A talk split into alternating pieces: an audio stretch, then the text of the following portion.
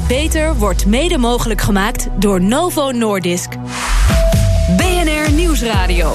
BNR Beter.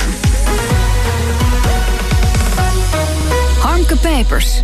Er moet centrale regie komen om regionaal verbeteringen door te voeren en zo de zorgkosten te beperken. Dat is een van de conclusies van het KPMG-rapport Wie doet het met wie in de zorg? Hoe dat het best georganiseerd kan worden, daar gaan we het vandaag over hebben in BNR Beter, het programma voor mensen die werken aan gezondheid. Mijn gasten vandaag Anna van Pauken, sectorleider bij KPMG Health, en Edwin van der Meer, bestuursvoorzitter van het Bovenij ziekenhuis. Ja, mevrouw van Pauken. Uh, onlangs verscheen het jaarlijkse rapport van KPMG Health met eh, de bijzondere titel Wie doet het met wie in de zorg? En daarin worden de belangrijkste knelpunten in de gezondheidszorg eh, beschreven.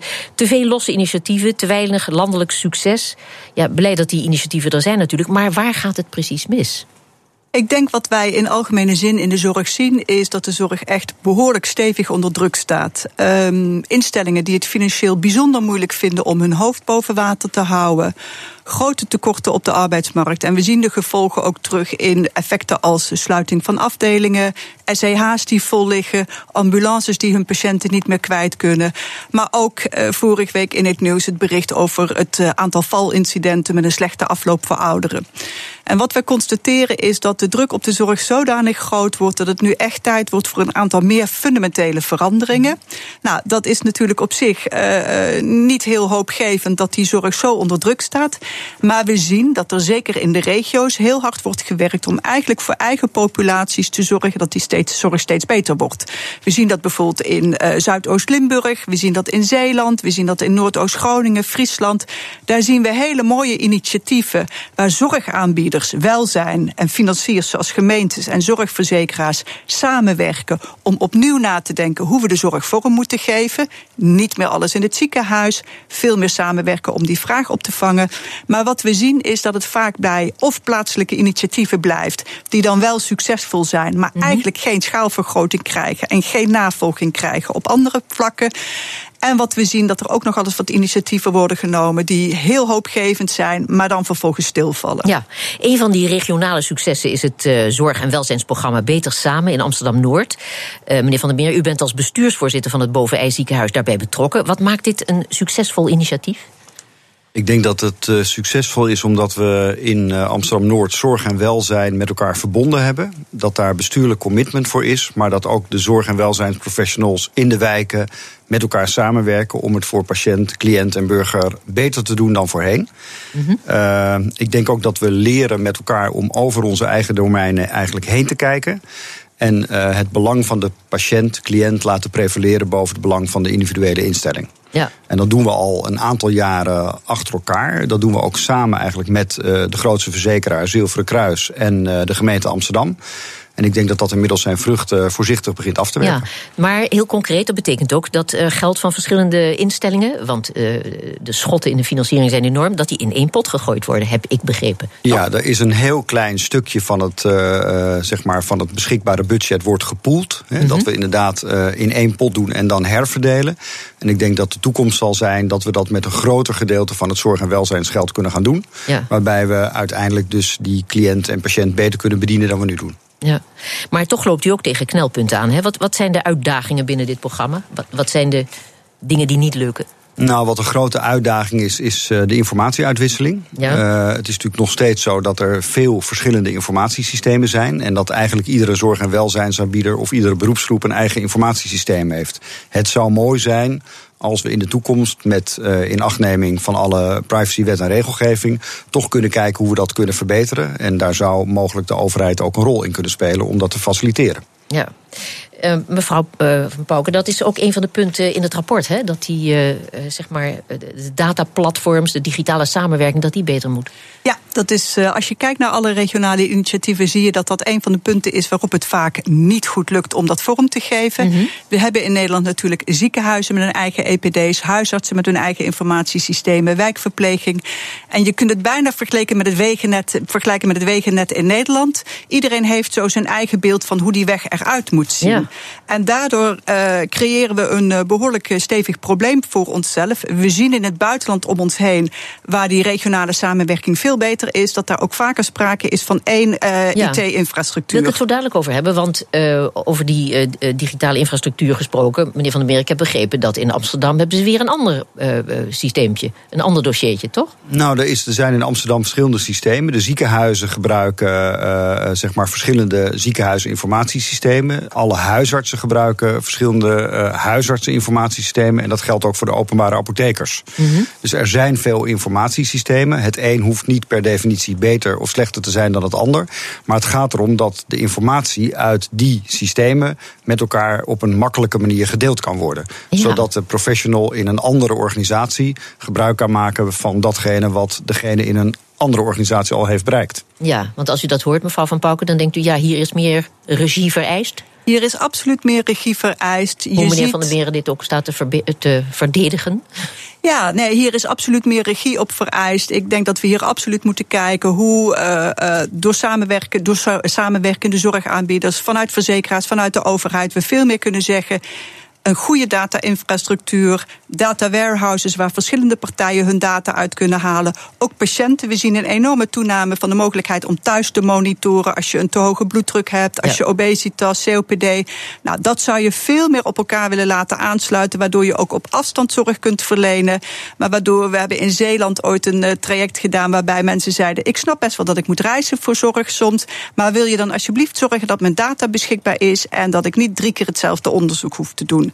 Dat is wat we nu hebben in Nederland. En willen we dat voorkomen, dan is daar meer, rega, uh, uh, meer regie op nodig. Ja, um, het moet ook allemaal sneller. Ja, wat er wel heel snel is gebeurd de afgelopen jaar... is het sluiten van verzorgingstehuizen met alle gevolgen van dien. Ook in Amsterdam-Noord, hè? Ja, er zijn uh, zeg maar uh, verzorgingshuizen dichtgegaan. Dat was ook de letterlijke wens zeg maar, die er vanuit de regering was, maar ook vanuit ja. een, een, deel van de patiënten. Mensen willen nou eenmaal, en dan kan me dat voorstellen, zo lang mogelijk zelf thuis wonen. Ja. Zo lang mogelijk thuis wonen met hulp zeg maar, van zorg- en welzijnsinstellingen die bij die mensen thuiskomen. Dat is wel zodanig snel gegaan dat je ziet dat het nieuwe systeem, de eerste lijns verblijfbedden, nog niet goed genoeg zijn ingeregeld. Of niet eerste, goed... eerste lijns verblijfbedden? Ja, eerste, li dat, eerste dat, lijns verblijf ja? is eigenlijk een mogelijkheid voor patiënten om daar uh, zonder een medisch specialistische indicatie te verblijven. Uh, en zijn eigenlijk in de plaats gekomen voor een deel van uh, zeg maar, de bedden die er eerst in verpleeghuizen waren. Ja, nou, ja. dat is nog niet goed genoeg geland. Uh, zowel bij degene die de patiënten daartoe naar verwijzen, als ook bij uh, zeg maar die instellingen zelf. Ik denk als we dat beter op de rit hebben, dat we daar ook een, een forse slag zouden kunnen maken. Ja. Aan de andere kant moeten we ons ook realiseren dat doordat mensen thuis blijven wonen en een deel van die mensen ook in eenzaamheid verkeert, ja, als ze dan wat hebben, dan komen ze vrij snel of naar een huisartsenpost of naar een spoedeisende hulp toe. Ja. En dat doen ze in grote getalen op dit moment. En dat ja. lees je ook uh, in de media. Ja. Wat, wat is de oplossing daarvoor? Uh, de oplossing denk Behalve ik. dan die bedden, want daar kom je ja, dan misschien niet terecht. Ik denk dat bedden één is, maar ja? ik denk dat tweede is dat we moeten zorgen dat we in, in de wijkverpleging of in een combinatie tussen wijkverpleging en huisarts uh, die mensen goed in beeld hebben. Ja. Eigenlijk zoals Anna net al zei, van uh, daar zouden digitale middelen mee kunnen helpen. Zorg op afstand, M-health, e-health, om te kijken of je die mensen beter kan monitoren, waardoor je voorkomt eigenlijk dat ze die rit naar een huisartsenpost op een spoedeisende hulp moeten maken. Ja. Uh, mevrouw Van Pauken, uh, hoe zou hier uh, meer regie wat in kunnen betekenen? Nou, ik denk dat meer regie betekent, zou kunnen betekenen dat we uh, de uh, IT-infrastructuur goed op elkaar aansluiten, zodat die communicatie mogelijk is en we niet in verschillende systemen zitten te werken.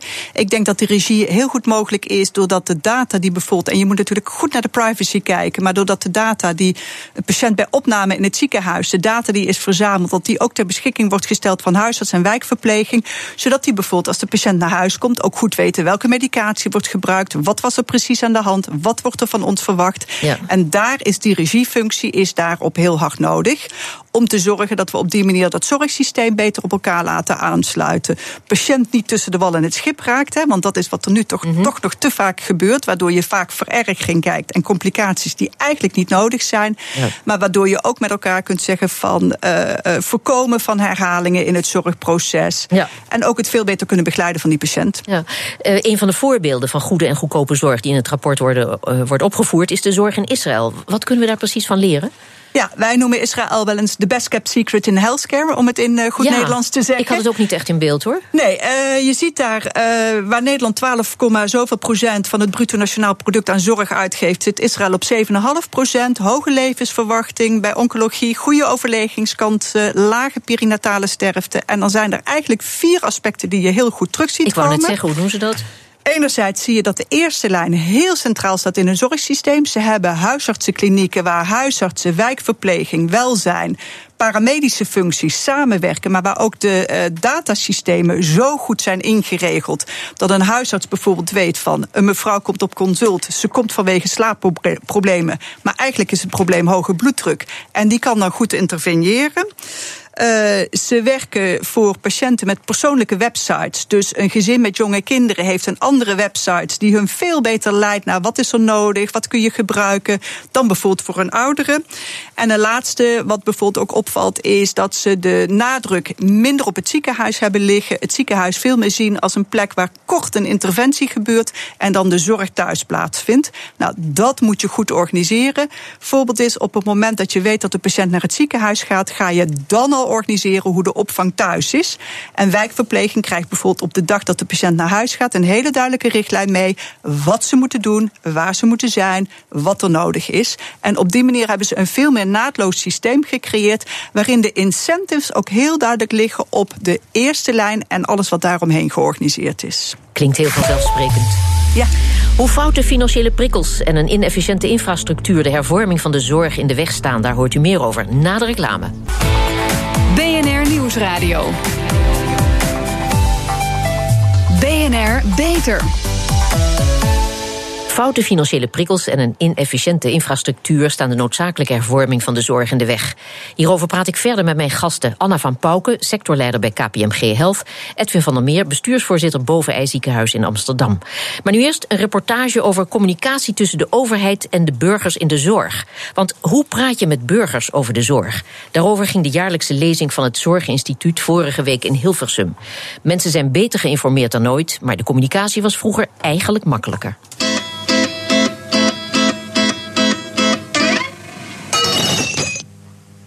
Het hart- en vaatziektemonster is altijd op zoek naar nieuwe slachtoffers.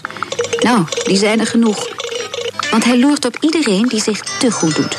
Arnold Moerkamp, bestuursvoorzitter van het Zorginstituut. Verlangt u wel eens terug naar die eenvoudiger, zeg maar, postbus 51 tijden? Ja, nou ja, soms uh, misschien wel, uh, wel een beetje, omdat het het werk van toen eigenlijk heel eenvoudig maakt.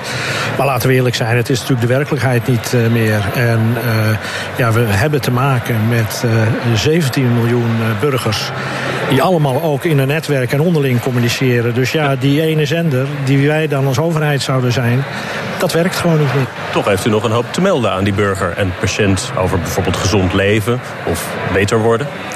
Jazeker, uh, en dat zullen we natuurlijk ook uh, blijven doen. Maar de meningsvorming, ook van burgers en de keuzes die burgers maken...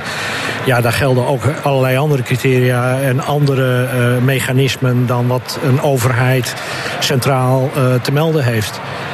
Iets wat u als, als zorginstituut natuurlijk wel eens moet doen... is een, een medicijn uit het pakket halen. Dan kan ik me voorstellen dat u wat heeft uit te leggen. Zeker. Uh, we halen niet zoveel uit het pakket, maar vaak gaat het om of het uh, toegelaten tot, wordt uh, tot het pakket. En ja. regelmatig moeten we tot, tot de conclusie komen dat iets of niet werkt, of het werkt wel wat, maar het kost zo verschrikkelijk duur dat het niet opweegt tegen wat het uiteindelijk te bieden heeft. Ja. En dan? Nou ja, dan brengen wij een advies uit aan de minister om het niet te vergoeden. Maar dat is een ontzettend moeilijke boodschap. omdat er altijd wel een gezicht uh, te vinden is. Uh, ja. Wat emotie opwekt. Ja. En dat gezicht wint het altijd van de wetenschap uh, gebaseerd op statistieken. Ja. En dat is dus erg moeilijk. En wij baseren ons vaak op het feit dat een ander dan iets niet meer krijgt. Maar die ander heeft geen gezicht. En wekt dus ook geen emotie op. En daar moeten we dus mee leren omgaan. U moet, moet omgaan met aan de ene kant wetenschap. En, en het geld speelt natuurlijk een rol. En aan de andere kant emoties. Maar, maar dat is toch ook geen democratie? U bent daarvoor aangewezen om dat te doen. Wij zijn daarvoor aangewezen om dat te doen. En in die zin doen we dat natuurlijk ook niet bij meerderheid van stemmen. Maar dat ontslaat je niet van de verplichting om naar de burgers heel goed te communiceren en begrijpelijk te maken. En ook de, ja, misschien zelfs wel de empathie daarvoor op te wekken. waarom je de beslissingen neemt zoals je die neemt. Herkent u zichzelf? Snakt u nooit naar snacks? U weet wel, die tussendoortjes die ongemerkt zo talrijk worden... dat de hoofdmaaltijd eigenlijk een tussendoortje tussen alle tussendoortjes wordt? Maar als u niet oppast, glipt het hart- en vaatziektemonster er ook tussendoor. En er gaat u er tussenuit.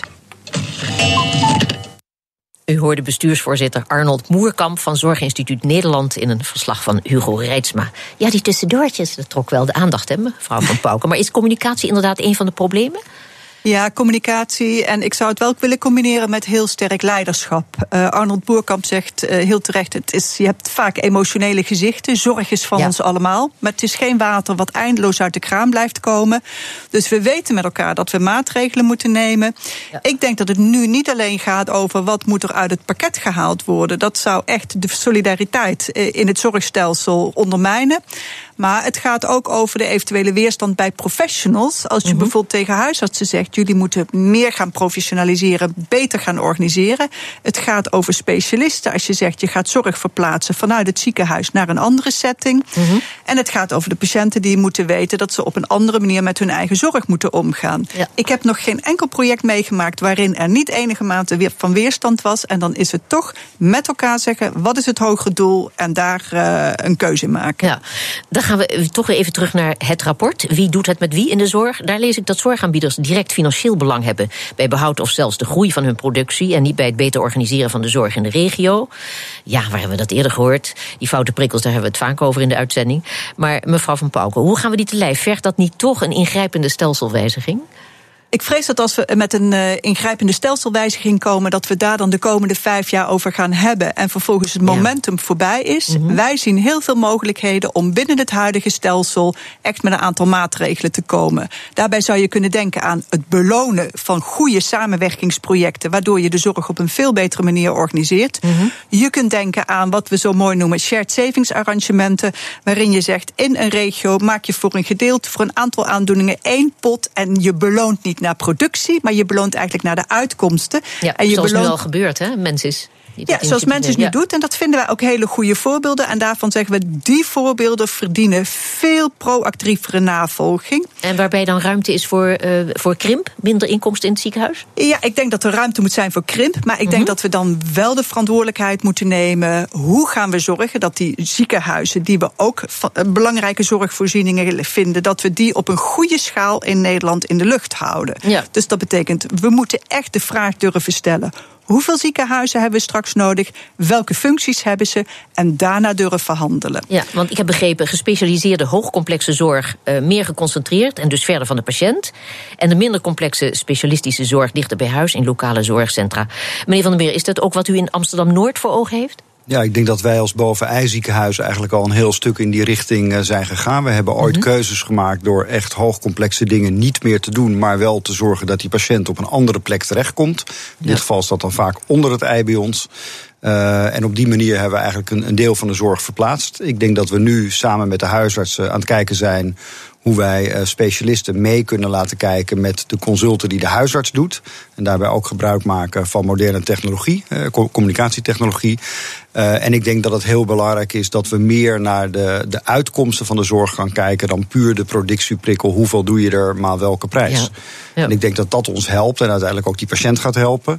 En dat we in het en u bent van... daar ook uh, als uh, bestuursvoorzitter goed toe in staat om anders te denken en niet meer in de inkomsten? Nou, ik denk dat je ook altijd moet letten op de inkomsten van het ziekenhuis, omdat uh, uiteindelijk uh, onder de streep er een positief resultaat mm -hmm. moet zijn, of, of een nul in ieder geval. Nou ja. maar ik denk dat we wel met de verzekeraars en ook de financiers, en met name dan de verzekeraar, aan het kijken zijn hoe je andere zorg ook kunt vergoeden. Ja. waardoor je toch die, die beweging richting zeg maar, populatiebekostiging, in welke manier dan ook, welke vorm dan ook, dat ja. je die kan maken. Outcome financiering, wat levert het de patiënt op? En hoe communiceer je dat met de patiënt? Ja. Maar uh, mevrouw Van Pauken, daarvoor is volgens het rapport, daar begin ik weer, dan wel nodig om artikel 13, de vrije artsenkeuze, af te schaffen. Nou, dat is eerder geprobeerd, dat is toen niet gelukt. Uh, leg nog eens uit, waarom moet, moet dat precies? Nou, wat heel belangrijk is, is dat we voor een zeker voor een aantal aandoeningen, en dan heb ik het in, in het begin heb ik het vooral over de complexere aandoeningen, dat we echt mhm. gaan kijken welke zorgverleners kunnen dat op een kwalitatief heel hoogwaardig niveau tegen relatief lage kosten leveren.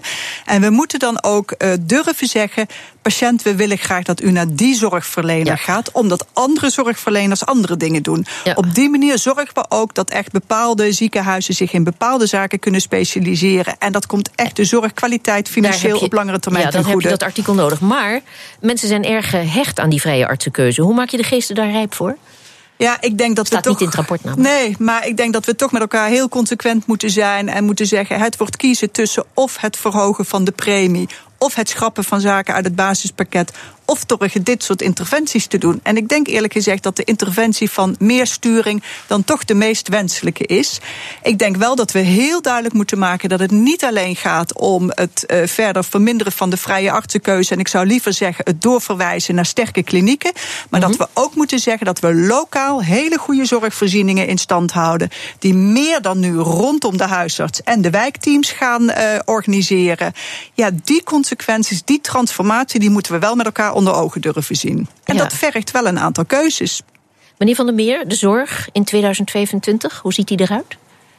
Uh, nog beter dan die nu al is. Veel meer in samenhang, verbonden met zorg en welzijn. In meerjarencontractering, waarbij de uitkomsten voor de patiënt centraal staan. Ja, en mevrouw Van Pauken? Ja, ik sluit mij wel graag bij de heer Van der Meren aan. En ik denk ook dat we tegen die tijd met een aantal stappen wel een financieringssysteem hebben wat daar echt op aangesloten is. Zodat uh, uh, de goede zorgverleners beloond worden voor wat ze doen. Wij kijken daar naar uit. Hartelijk dank, Edwin van der Meer en Anne van Pauken. Pioniers in de zorg. Onze zorgredactie speurt naar interessante medische innovaties... binnen en buiten de muren van de universiteit. Waar werken ze aan en wat moeten wij hierover weten? Carlijn Meinders, een gepersonaliseerde nierdialyse. Vertel. Ja, uh, een sensor uitgevonden uh, door de Technische Universiteit Eindhoven... moet nierdialyse een stuk beter maken dan het nu is. En wat moest er dan beter? Nou, nierdialyse is zoals je weet nodig om het bloed van mensen met nierfalen te zuiveren. Daarbij worden bepaalde zouten uit het bloed gefilterd en opgenomen in die dialysevloeistof.